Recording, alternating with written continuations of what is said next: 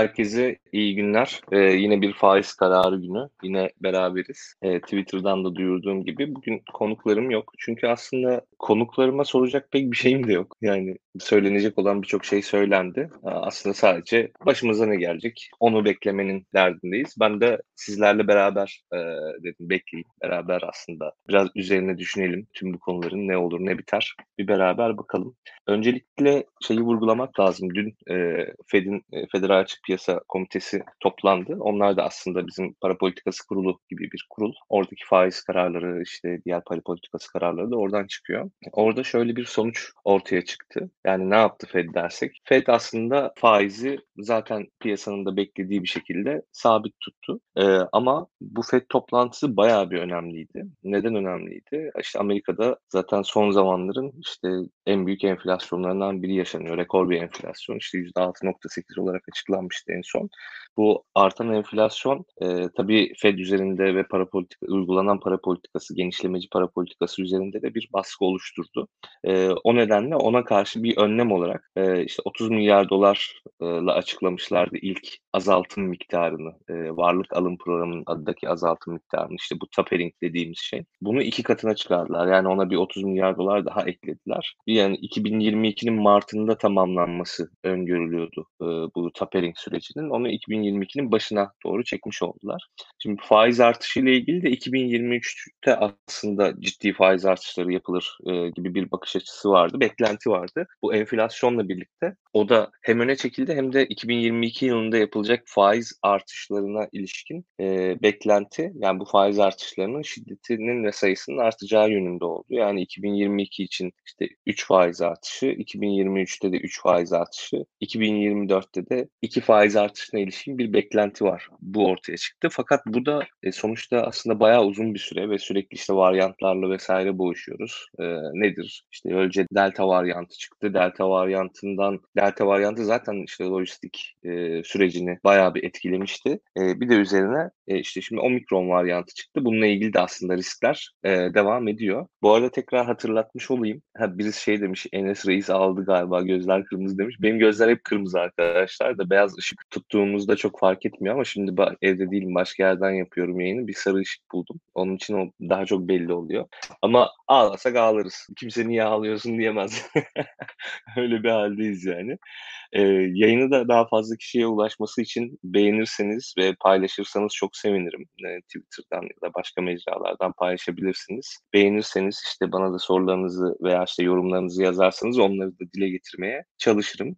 Ee, yine Fed'den devam edelim. Aslında dünkü Fed kararında bence bunlara sebep olan ve aslında çok da önemli olan bir şey çıktı. Şimdi Fed'i uzun zamandır işte Jerome Powell ya da işte diğer Fed yetkilileri, işte bölgesel e, Fed yetkilileri vesaire sürekli bu enflasyonun geçici olduğundan bahsediyorlardı. Yani enflasyona bile çıkıyor, enflasyon geçici olduğu için önlem almayı düşünmüyoruz. Enflasyon geçici olduğu için para politikamızı değiştirmeyi düşünmüyoruz gibi bazı açıklamalar vardı. Ama dünkü karar metninde e, bu enflasyona ilişkin o geçici ibaresinin e, çıkarıldığını gördük. O yer almıyordu yani metinde. Demek ki artık e, bu enflasyonun geçici değil kalıcı olabileceğine ilişkinde çeşitli e, öngörüler ve aslında tartışmalar yaşanmış. E, bu tabii Türkiye'yi nasıl etkiler? Şimdi bugün zaten burada toplanmamızın esas sebebi e, Merkez Bankamızın bugün faiz kararını açıklayacak olması. Şimdi Fed'in e, kararı aslında bizim bugünkü para politikası kurulu kararımızı derinden etkileyebilecek bir karar. Öncelikle şeyden bahsedeyim. Hani ben olsaydım ne yapardım? Sonra e, ben olsaydım derken tabii ben Enes Özkan olarak değil de en azından şu anki söyledikleri işte bu ekonomi modelini dahi sürdürebilir kılabilmek için ne yapılması gerekir? Sonra bu gelişmekte olan ülkeleri nasıl etkiler? Sonra da Türkiye'yi nasıl etkiler? Zaten çok farklı bir şey olmayacak nihayetinde. Şimdi esasen dünkü e, merkez, dünkü Amerikan Merkez Bankası kararı işte ekonomistler arasında işte şahin diyebileceğimiz kararlardan biriydi. Yani e, e, faiz artırımına yönelik işte parasal genişlemeci politikaların daha hızlı bir şekilde sona ereceğine yönelik bir karar ortaya çıktı. Şimdi bu gelişmekte olan ülkelere şöyle bir etki yapar. Bizim aslında bu yani baştan şeyi anlatmak lazım. Bu yatırımlar, şunlar, bunlar işte insanların aslında bir başka para birimine yatırım yapması vesaire bunların hepsi yani bu forex ürünlerinin hepsi bir e, risk ürünü. Yani hisse senetleri de öyle aynı zamanda işte ya da kripto para piyasaları da öyle. Bunlar bir risk ürünü. İsmi neden risk ürünü? Aslında riskli oldukları için risk ürünü. Siz daha garanti siz istiyorsanız, getiri istiyorsanız mevduatınıza ya da işte yatırımınıza diyeyim, e, siz aslında faiz istiyorsunuzdur. Yani ben paramı işte faize koyayım, e, bunu da işte bazı insanlar alsın, kullansın, yatırıma dönüştürsün. Hem onlar kar etsin hem ben kar edeyim. Onun için faizin artması risksiz ürünleri daha ön plana çıkartır. Yani mevduat e, ürünleri gibi ya da işte ona bağlı farklı tür araçları daha ön plana çıkartır. Bu nedenle risk ürünlerinden de biraz kaçış olur. Şimdi risk ürünleri sadece dediğim gibi hisse senediyle falan filan sınırlı değil. Aynı zamanda bizim e, işte mesela bir para birimimize para birimimizi baz alarak üretilen bir finans ürünü de aynı zamanda risk ürünü. Yani gelişmekte olan ülkeler eğer e, Amerika bir faiz artışımı, artımı, artırımı yaparsa şöyle bir duruma düşecekler. Zaten bu ülkeler hali hazırda riskli ülkeler. İşte Türkiye'de onların e, başlarında geliyor. E, CDS primimiz çok yüksek biliyorsunuz. Kredi primimiz çok yüksek e, Türkiye'deki riskli varlıklara yani Türkiye'nin kendisi de hala hazırda şu an riskli varlık gibi piyasalarda düşünüldüğü için riskli varlıklara e, yatırım yapmak yerine biraz daha az kazançlı da olsa daha güvenilir olan ülkelere ve o ürünlere yatırım yapmak daha mantıklı oluyor. Onun için e, eğer gelişmiş ülkeler faiz artırımına giderlerse işte bu Amerika'da buna dahil oralar daha risksiz kabul edildiği için buradaki %10 faiz yerine yani Türk lirasının %10-15 faiz yerine oradaki %3-4 faiz bile çoğu zaman daha evla hala olabiliyor. Çünkü üzerinizdeki o riski tamamen e, atmış oluyorsunuz. Yani eğer FED faiz artırırsa e, ki faiz artırmasına bile gerek kalmadan sadece faiz artıracağına ilişkin e, söylem bazında bir yönlendirme bile yaptığında gelişmekte olan ülke para birimleri e, ciddi düşüşler, değer kayıpları yaşıyor. E, Türk lirası da maalesef bunların başında geliyor ve çoğu zaman da negatif ayrışıyor. Şimdi ben bu para politikası kurulu kararını e, bekliyorum bir yandan da. Saat 14 oldu. E, ya açıklanmıştır ya açıklanır. İşte o arada sayfayı güncelliyorum. E, en sonki duyuru. Geçenkinde bu arada biraz şey olmuştu hatırlarsanız. E, geç açıklanmıştı. E, bir 5 dakika falan. Belki yine bir şey olur. E, bilmiyorum ama buradan şeye en azından bakalım. Şu anki e, dolar TR grafiğine bir bakalım. Bu 5 günlük ve dakikalık grafik. Şu an e, güncel rakam 15.36 civarında. Dolar Türk lirası 15.36 civarında işlem kazanıyor. E, şey, işlem görüyor. E, şimdi bakalım birisi 100 bas puan indirildi demiş ama bir açıklama görmedim ben. Tekrar bakayım hemen. Ona göre tekrar para politikası kurulu kararına göre yorumlamaya devam edelim. Bu arada şeye bakıyorum. Evet, o evet 15.61'lere kadar 15.65'lere kadar çıktı. Ee, evet. Para politikası kurulu kararı açıklanmış. Ben bunu ekrana yansıtayım. Beraber şöyle bir e, bakalım isterim açıkçası. Hemen yansıtıyorum arkadaşlar. Evet.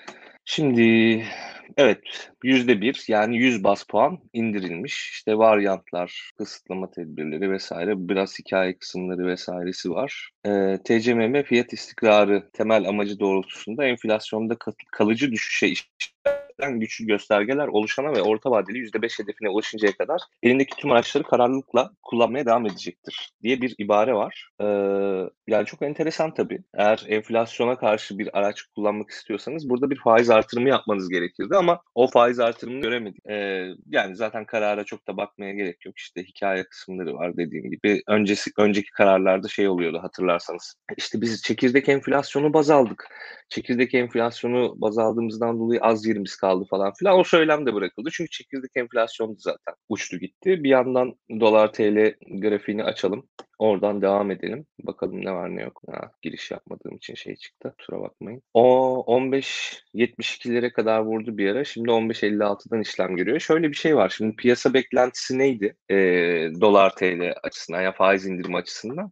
100 bas puanla 200 bas puan arasında bir indirim bekleniyordu. Ama bu e, Fed'in bu kadar şahin bir karar e, açıklayıp açıklamayacağı tam bilinmeden o süreç öncesinde e, bekleniyordu. E, Fed'in bu kadar şahin karar açıklamasından sonra açıkçası ben e, biraz şey diye düşünüyordum. Acaba bu e, ayı pas geçerler mi? Çünkü e, yani doların 14 lirada olmasını, 14 lirada doları tutmak için harcadıkları aslında rezervi e, yaklaşık 3,5-4 milyar dolar civarında bir şey olması lazım. E, biliyorsunuz. E, o süreçte en azından kendi kafalarında bir plan vardır diye düşündüğüm için belki bu ayı pas geçerler diye düşünüyordum. Öyle bir tahminim vardı ama tutmadı. Yine faiz indirimi devam edecekler ama e, bir diğer tahminim de şu. Büyük ihtimal 200 bas puanlık bir indirim e, yapacaklardı fakat e, bunu 100 bas puanla revize ettiler büyük ihtimalle. Bundan sonra ne olur diye genellikle insanların aklına takılıyor. Ya bundan sonra ne olacağını tahmin etmek inanılmaz güç inanın. Yani e, bakın bu e, grafiği şöyle 5 dakikalık değil 4 saatlik yapalım. E, inanamıyorum ya. Giriş yapmadığım için sürekli e, reklam çıkıyor. Kusura bakmayın arkadaşlar. Şimdi de giriş yapamayacağım oraya. Şifremi falan görürsünüz. 4 saatlik bir grafik yapalım. Ve şöyle bir yıllığa alalım. Yani şu dik yokuşu görüyorsunuz değil mi? Yani dik çıkışı görüyorsunuz. E, bu aslında birçok şeyin bozulduğu anlamına geliyor. Fiyatlamanın bozulduğu anlamına geliyor. Teknik analizin neredeyse bozulduğu anlamına geliyor. Yani o kadar çok direnç, destek vesaire her şey kırıldı ki bir yerde artık neredeyse teknik analizle de e, hani böyle uzun veya orta vadeli tahminler yapamaz hale geliyorsun. 5 yıllık grafikte bu. Şimdi onun için burada hani şeyi tahmin etmek güç oluyor. E, ne derler? E, bu nereye gider bunu tahmin etmek güç oluyor. Ama şöyle bir şey var. E, eğer buna bir dur demezlerse yani bu faiz indirimi sürecinin sonuna gelinmezse e, çok büyük ihtimalle bu şey e, yılbaşından sonra da özellikle Ocak ayında, Temmuz ayında tekrar faiz indirimi süreçlerine devam ederlerse ve işte Nurettin Nebati gibi onun işte yeni çorapçı şeyi var yardımcısı Mahmut Özer'di sanırım. Onun gibi ya da e, işte Erdoğan gibi figürler ekonomi hakkında konuşmaya, güç bildirmeye, ekonomi yönetimine ellerinde tutmaya devam ederlerse doların nereye gideceğini yani fiyat olarak bir şey söylemeyeceğim ama siz de az çok tahmin edebilirsiniz. Bu bozulma çok ciddi bir bozulma ve aşağıda hacim verisini görüyorsunuz. Yani aşağıdaki barlar, e, çubuklar da hacim birisi. İnanılmaz yüklü, yani büyük hacimler yaratarak bu yükselişler yaşanıyor ve bu hakikaten çok büyük e, sıkıntılara gebe bir durum. E, umarım bu politikadan vazgeçerler ama çok da vazgeçecek gibi de durmuyorlar. E, belki bir ihtimal şey yapabilirler, ne derler? İşte biraz soluklandırabilirler diye hepimizin kafasında böyle bir fikir, şey vardı, fikir vardı. E, ama e, onu da yapmadılar. Şimdi bu oynaklık aslında İlkan güzel bir şey söyledi. Oynaklık devam ederse iş yapılmaz. Yapılmıyor ya zaten. Yani şöyle düşünün arkadaşlar. Oynaklık kısmı çok önemli. Seviye de çok önemli. İkisini de konuşalım aslında. Yani bir, doların 14 lirada kalması ve o seviyede tutunmuş olması demek o da istikrar demek değil. Yani dolar bir seviyede kalsın yani yeter ki kalsın da işte fiyatlamalar düzelsin falan ya o da başka bir sıkıntı. Hani çünkü kendi normalde Türk lirası hak ettiğinden daha düşük bir değerde normalde baktığımızda. Yani eğer o seviyede kalırsa da bu sefer gene risk priminiz yüksek, gene dış borçlanma e, da ödeyeceğiniz faiz yüksek. Sizi riskten azade etmiyor. Öte yandan e, bu oynaklık da şimdi 15.75'e çıktı, 15.30'a düştü. Daha zaten iki gün önce 14 lirayı bile geçmemişti vesaire. Tüm bu şeylerden dolayı da yani baskıya kitap sokamıyorsunuz. işte kimseden fiyat alamıyorsunuz. Esnaf da olsanız, işte şu da olsanız, bu da olsanız ve e, bir yerden sonra sadece anlık işlemler yapılabiliyor. Siz bir plan yapamıyorsunuz. Ve ondan sonra işte bu stokçuluk mevzusu hep gündeme geliyor ya e, stok tutmak zorunda kalıyorsunuz. Çünkü bir sonraki e, alacağınız malı bu fiyatlardan, sattığınız fiyattan e, alamayacağınız için mecburen stok yapmak, stok tutmak durumundasınız ki siz de karınızı maksimize edebilin. E, bununla ilgili en son Özgürlük Araştırmaları Derneği'nin e, Freedom House'la birlikte çıkardığı bir bülten var Freedom Observer diye. Ben de onun ekonomi kısımlarını yazıyorum. Orada stokçulukla ilgili bir kısım yazdım. Ona da bakabilirsiniz. Onu da önermiş olayım. E, Pırıl bir soru sormuş. Daha ne kadar indirmeye devam edebilirler? Bir yerde mecburen vazgeçmek zorunda kalacaklar. Ne kadar sürer bu sizce? Şimdi bir önceki indirim sürecinde işte Berat Albayrak bakanken işte tüm e, Berat Albayrak sürecinde ne kadar sürmüştü vazgeçmeleri bir yılı biraz geçmişti. Çünkü o zaman Merkez Bankası'nın rezervi e, biraz daha sağlamdı. E, işte kimi hesaplara göre 128, kimi hesaplara göre 140 milyar dolarlık bir rezerv satımıyla doları hatırlıyorsanız 5.95'te sabit tutuyorlardı işte. E, Berat sabiti, Albayrak sabiti falan diyorduk. E, 5.95'te sabit tutuyorlardı. Fakat bu sefer şöyle bir durum var. Bu sefer elde Merkez Bankası'nın şeyi de yok. Rezervi de yok. Güçlü bir rezerv yapısı olmadığı için yani net rezervler zaten eksi de e, brüt rezervler bile rezervler bile güçlü değil ve bu swap e, anlaşmaları gerçekten çok amacı dışında kullanılan şeyler haline de dönüştü. Tüm bu nedenlerden dolayı ben o kadar sürmeyeceğini düşünüyorum. Fakat bu benim dediğim bu insanlar için yani bu ekonomi yönetimindeki insanlar için bile bir ekonomik rasyonelite çerçevesinde yaptığım bir yorum bu. Ekonomik rasyonelite bu insanların kendi kafasındaki model için bile bir ekonomik rasyonelite kalmadıysa bu insanlarda bu insanlar sadece e, siyaseten bir şeyleri korumak derdindelerse ona bile yaramayacak aslında bu düşündükleri şey ama en azından insanları biraz daha köşeye sıkıştırıp daha fazla köşeye sıkıştırıp onların nefesini daha fazla keserek çeşitli polisiye tedbirlerle bu süreci uzatabilirler. Bu tabii hiç istemediğimiz bir şey. İsteriz ki yani ben isterdim ki bugün Merkez Bankası doları sabit bıraksın. Şey e, faizi sabit bıraksın en azından. Yani normalde bir artış yapılması lazım ama hani en azından e, sabit bıraksın ve biraz daha insanların üzerindeki yükü affedersin. İnsanların üzerindeki yükü biraz daha azaltsın. Affedersiniz. Fakat bu böyle olmadı. Bu böyle gerçekleşmeyecek. Şimdi e, yazanlar oluyor. İşte şu bankanın application'ı çalışmıyor. Bu bankanın application'ı çalışmıyor diye. İnanılmaz yüksek bir hacim birisini zaten görüyorsunuz aşağıda. Hacim çok yüksek olduğu için birçok insan şu an e, para almaya, satmaya falan filan çalıştığı için bankaların e, çalışmaması çok normal. E, senin bir soru sormuş. Merkez Bankası'nın bu para politikaların asgari ücreti açıklama süreciyle ilişkilendirilebilir mi? Öylesi nasıl? Şimdi şöyle, bugün sanırım 15'te açıklayacağını söyledi e, asgari ücreti Cumhurbaşkanı Erdoğan. E, normalde bu asgari ücret açıklamalarını da Erdoğan yapmaz. Büyük ihtimal biraz daha e, kendilerince yüksek denebilecek ama bence yani dolara vurduğunuzda, enflasyona vurduğunuzda çok da anlam ifade etmeyen bir miktarda asgari ücret açıklayacak 4 bin liranın üstünde gibi. E, o açıklama belki bugünkü faiz indirimini gölgede bırakır mı gibi yorumlar var ama ben bunların ikisinin birbirinden bağımsız süreçler olarak yürüdüğünü düşünüyorum. Yani ikisini düşünerek e, büyük ihtimal hareket etmiyorlardır. Ama bence düşünerek hareket etmeleri lazımdı. Fakat gerçekten de onları düşünerek hareket etmiyorlar. Fakat belki şey olabilir. Hani yüksek miktarlı bir asgari ücret açıklanırsa bugünkü faiz haberi şey açısından e, bu yandaş medya diyebileceğimiz medya açısından gölgede kalabilir. Onun haricinde gölgede kalmaz. E, bugün bir tweet attım arkadaşlar. Twitter'da beni takip etmiyorsanız oradan da takip etmenizi öneririm. E, bu ara bayağı sık paylaşım yapıyorum aslında. Ya bu on, onu da şey yapayım, söyleyeyim. Bu yeni bakan yardımcısı atandı işte adam çorapçıymış falan filan. Şirketine falan da biraz baktım. Yani şu an bizim Hazine ve Maliye Bakanımız ve onun yardımcısı gerçekten yani yurt dışında tüketilmek üzere ürünler üreten ve bunu yani kendi markaları olsa da daha çok fason olarak ürünler üreten insanlar. Yani doların e, artışı bu insanların sadece işine yarar. Onların da ne kadar işine yarayacağı bile kuşkulu. Çünkü ikisi de tekstilci. E, ikisi de işte büyük ihtimal en büyük ham maddeleri pamuk işte ya da çeşitli plastikten üretilen iplikler vesaireler falan filan. İkisi de ithal mallar. Bu kadar büyük bir e, kur artışı, kur artışındaki bu dengesizlik onların bile işine yaramayacak ama yine de aramızda büyük ihtimalle bu işlerden en az etkilenenler onlar olacak ve kendilerinin bir ekonomik birikimi, e, bilgisi, e, buna ilişkin bir yönetim bilgisi falan filan olmadığı için ben onların e, bir bilim adamı veya bürokrat veya işte devlet adamı adına yani deyin sorumluluktan ziyade onların kendi e,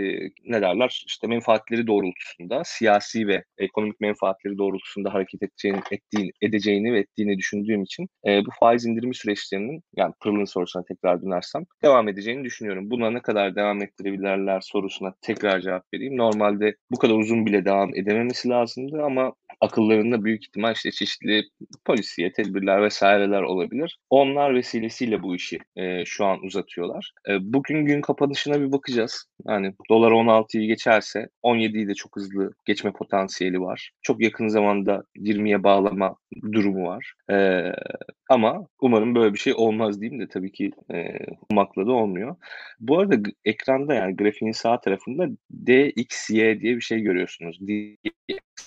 Amerikan endeksi. E, bu da çok yüksek bu arada. Yani 96.3 seviyesinde. E, eğer bir faiz artırımı gelseydi DXY e, 97'ye vurur veya 97'yi biraz geçer gibi tahminler vardı. Faiz artırımı gelmemesine rağmen dolar bayağı bir değerlendi. DXY aslında dolar endeksi işte doların diğer para birimlerine vesaire e, araçlara göre değerini ölçen bir şey e, doların da haddinden fazla değerlendiğini, Türk lirasının da haddinden fazla değerinin düştüğünü görüyoruz. Yani burada iki süreç birbirini besliyor maalesef. Maalesef, çok maalesef. Hem dolar haddinden fazla değerleniyor hem Türk lirası haddinden fazla düşüyor. O aradaki gap onun için iyice açılıyor yani Türk lirasının değersizleşme süreci daha da hızlanıyor ve Türk lirası çok çok çok büyük oranda negatif ayrışıyor diğer gelişmekte olan ülke para birimlerine göre. Ee, bu arada Ahmet Bey şeyi hatırlatmış. Bakan böyle sen zaten maaşlı çalışansın. Kaybedeceğin ne var? Ben bütün varlığımı kaybederim falan gibi bir şey demişti. Yani kendisinin bütün varlığını kaybedeceği falan yok. Hani bir de çok kullanılan bir laf vardı ya böyle senin fikrinin ne önemi var? Vasat herif falan derlerdi ya. Yani vatandaşa resmen bunu söylüyorlar. Yani senin hayatının, senin fikrinin ne önemi var? Vasat herif. Yani benim için e, olan oldu e, vesaire gibi bir şey diyorlar. Şu grafiği tekrar yakın ölçüye alıp bir dakikalığa getirelim. Acaba ne tür bir hareket var? Evet yani çalkan şeyi çok fazla. Ee, yani inanılmaz büyük bir dalgalanma var. İnanılmaz. Biraz yorumlarınızı okuyayım ondan sonra da yavaş yavaş veda edelim diyorum. Hatırlatayım. Dakika 1984'ü takip etmeyi unutmayın. YouTube'dan, Twitter'dan veya diğer mecralardan.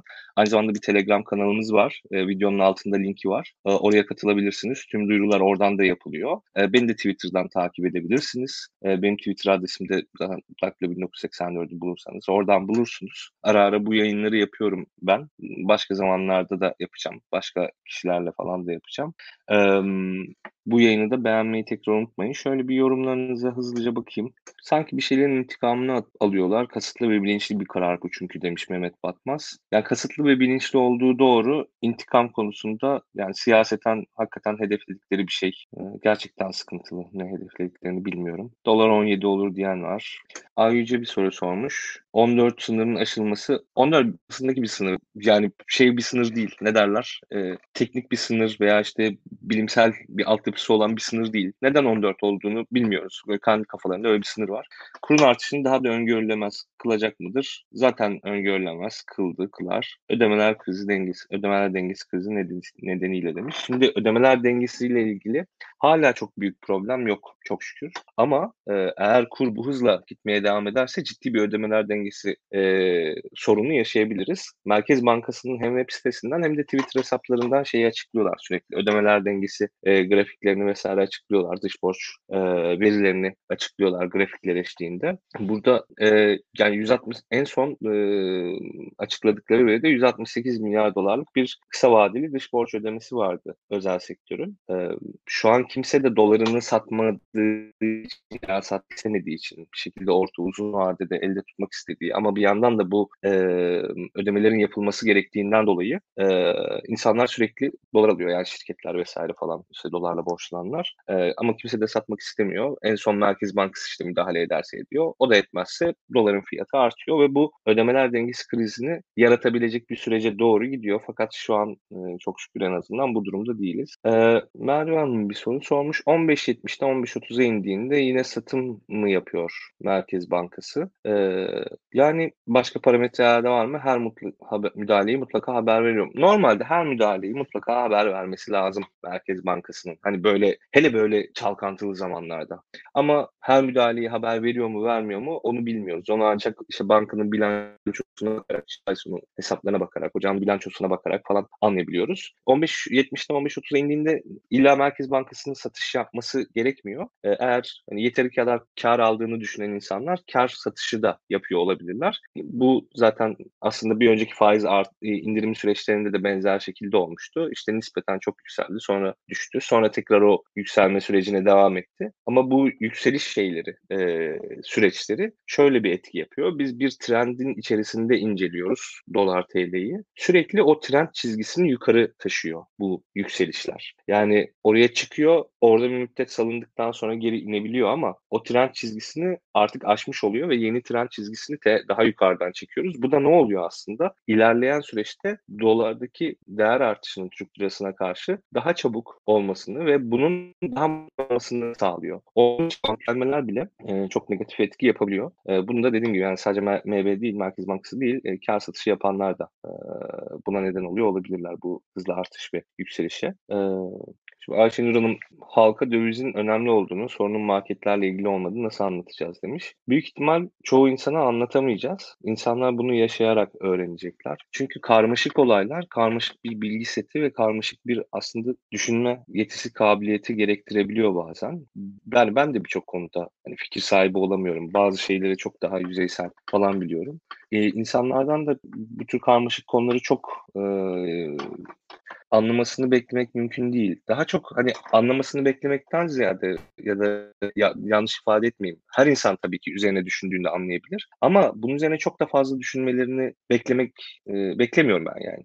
E, ama ancak yaşadıklarında üzerine zaten düşünmeden doğrudan üzerine atıldığı için bu durum yani onu yaşamak zorunda kaldıkları için e, mecburen farkına varıyorlar ve varacaklar ve aslında birçok insan da farkına vardı. Fakat zaten durumun sizin de söylediğiniz gibi sorun işte marketler değil, sorun fiyatlar değil, sorun şu değil, bu değil. Sorun aslında bu yönetim şeklinin, işte bu ilkesizliğin ve cehaletin bu kadar yaygınlaşması e, ve bu kadar yüksek miktarda kendine söz e, hakkı bulması ve insanların da bunu bir şekilde hala beslemeye devam ediyor olması. Yani aslında siyasi bir sorun ortada. E, ekonomik sorun, siyasi sorunların çok uzantısı halinde e, gibi. E, Ömer Altıntaş Türk doları söylemi için ne dersiniz demiş. Türk doları söyleminden kastı tam bilmiyorum ama herhalde Türk lirasının dolara endekslenmesi gibi bir şeyden bahsediyorlar. Şu an onu mantıklı bulmuyorum. Yurt dışında içinde kaçış artacaktır ilk çeyrekte diye tahminlerde bulunan arkadaşlar var. DXY'yi 110 görür müyüz 2022 yılı içerisinde diye sormuş Hüseyin.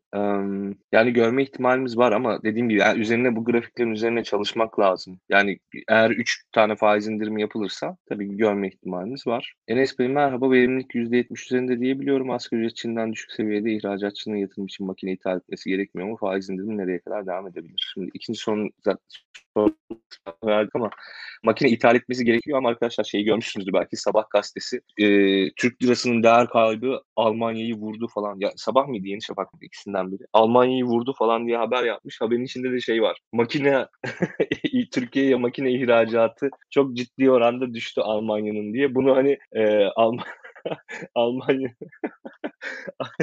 Almanya'yı vurdu Türk lirasındaki değer kaybı diye durmuşlar. Ah be yani ah be bu cehalet yani. Ya kardeşim makineyi makine bildiğin kar getiren bir şeydir ya. Makine hani arazi yatırımı, ev yatırımı falan filan gibi değildir. O makine işleyecek ki sen üretim falan yapacaksın. Yani sen demek ki altyapı yatırımı yapamıyorsun. Kapasite artırımı yatırımı yapamıyorsun. Makine ithal edemiyorsan. Yani Türkiye'de de zaten üretemediğin için gidiyorsun Almanya'dan e, ithal ediyorsun. E, şimdi bunu ithal edemediğinde demek ki üretim aslında kapatamadığı için belki üretim kapanı düşecek makine estimesinden dolayı, yenilemediğinden dolayı.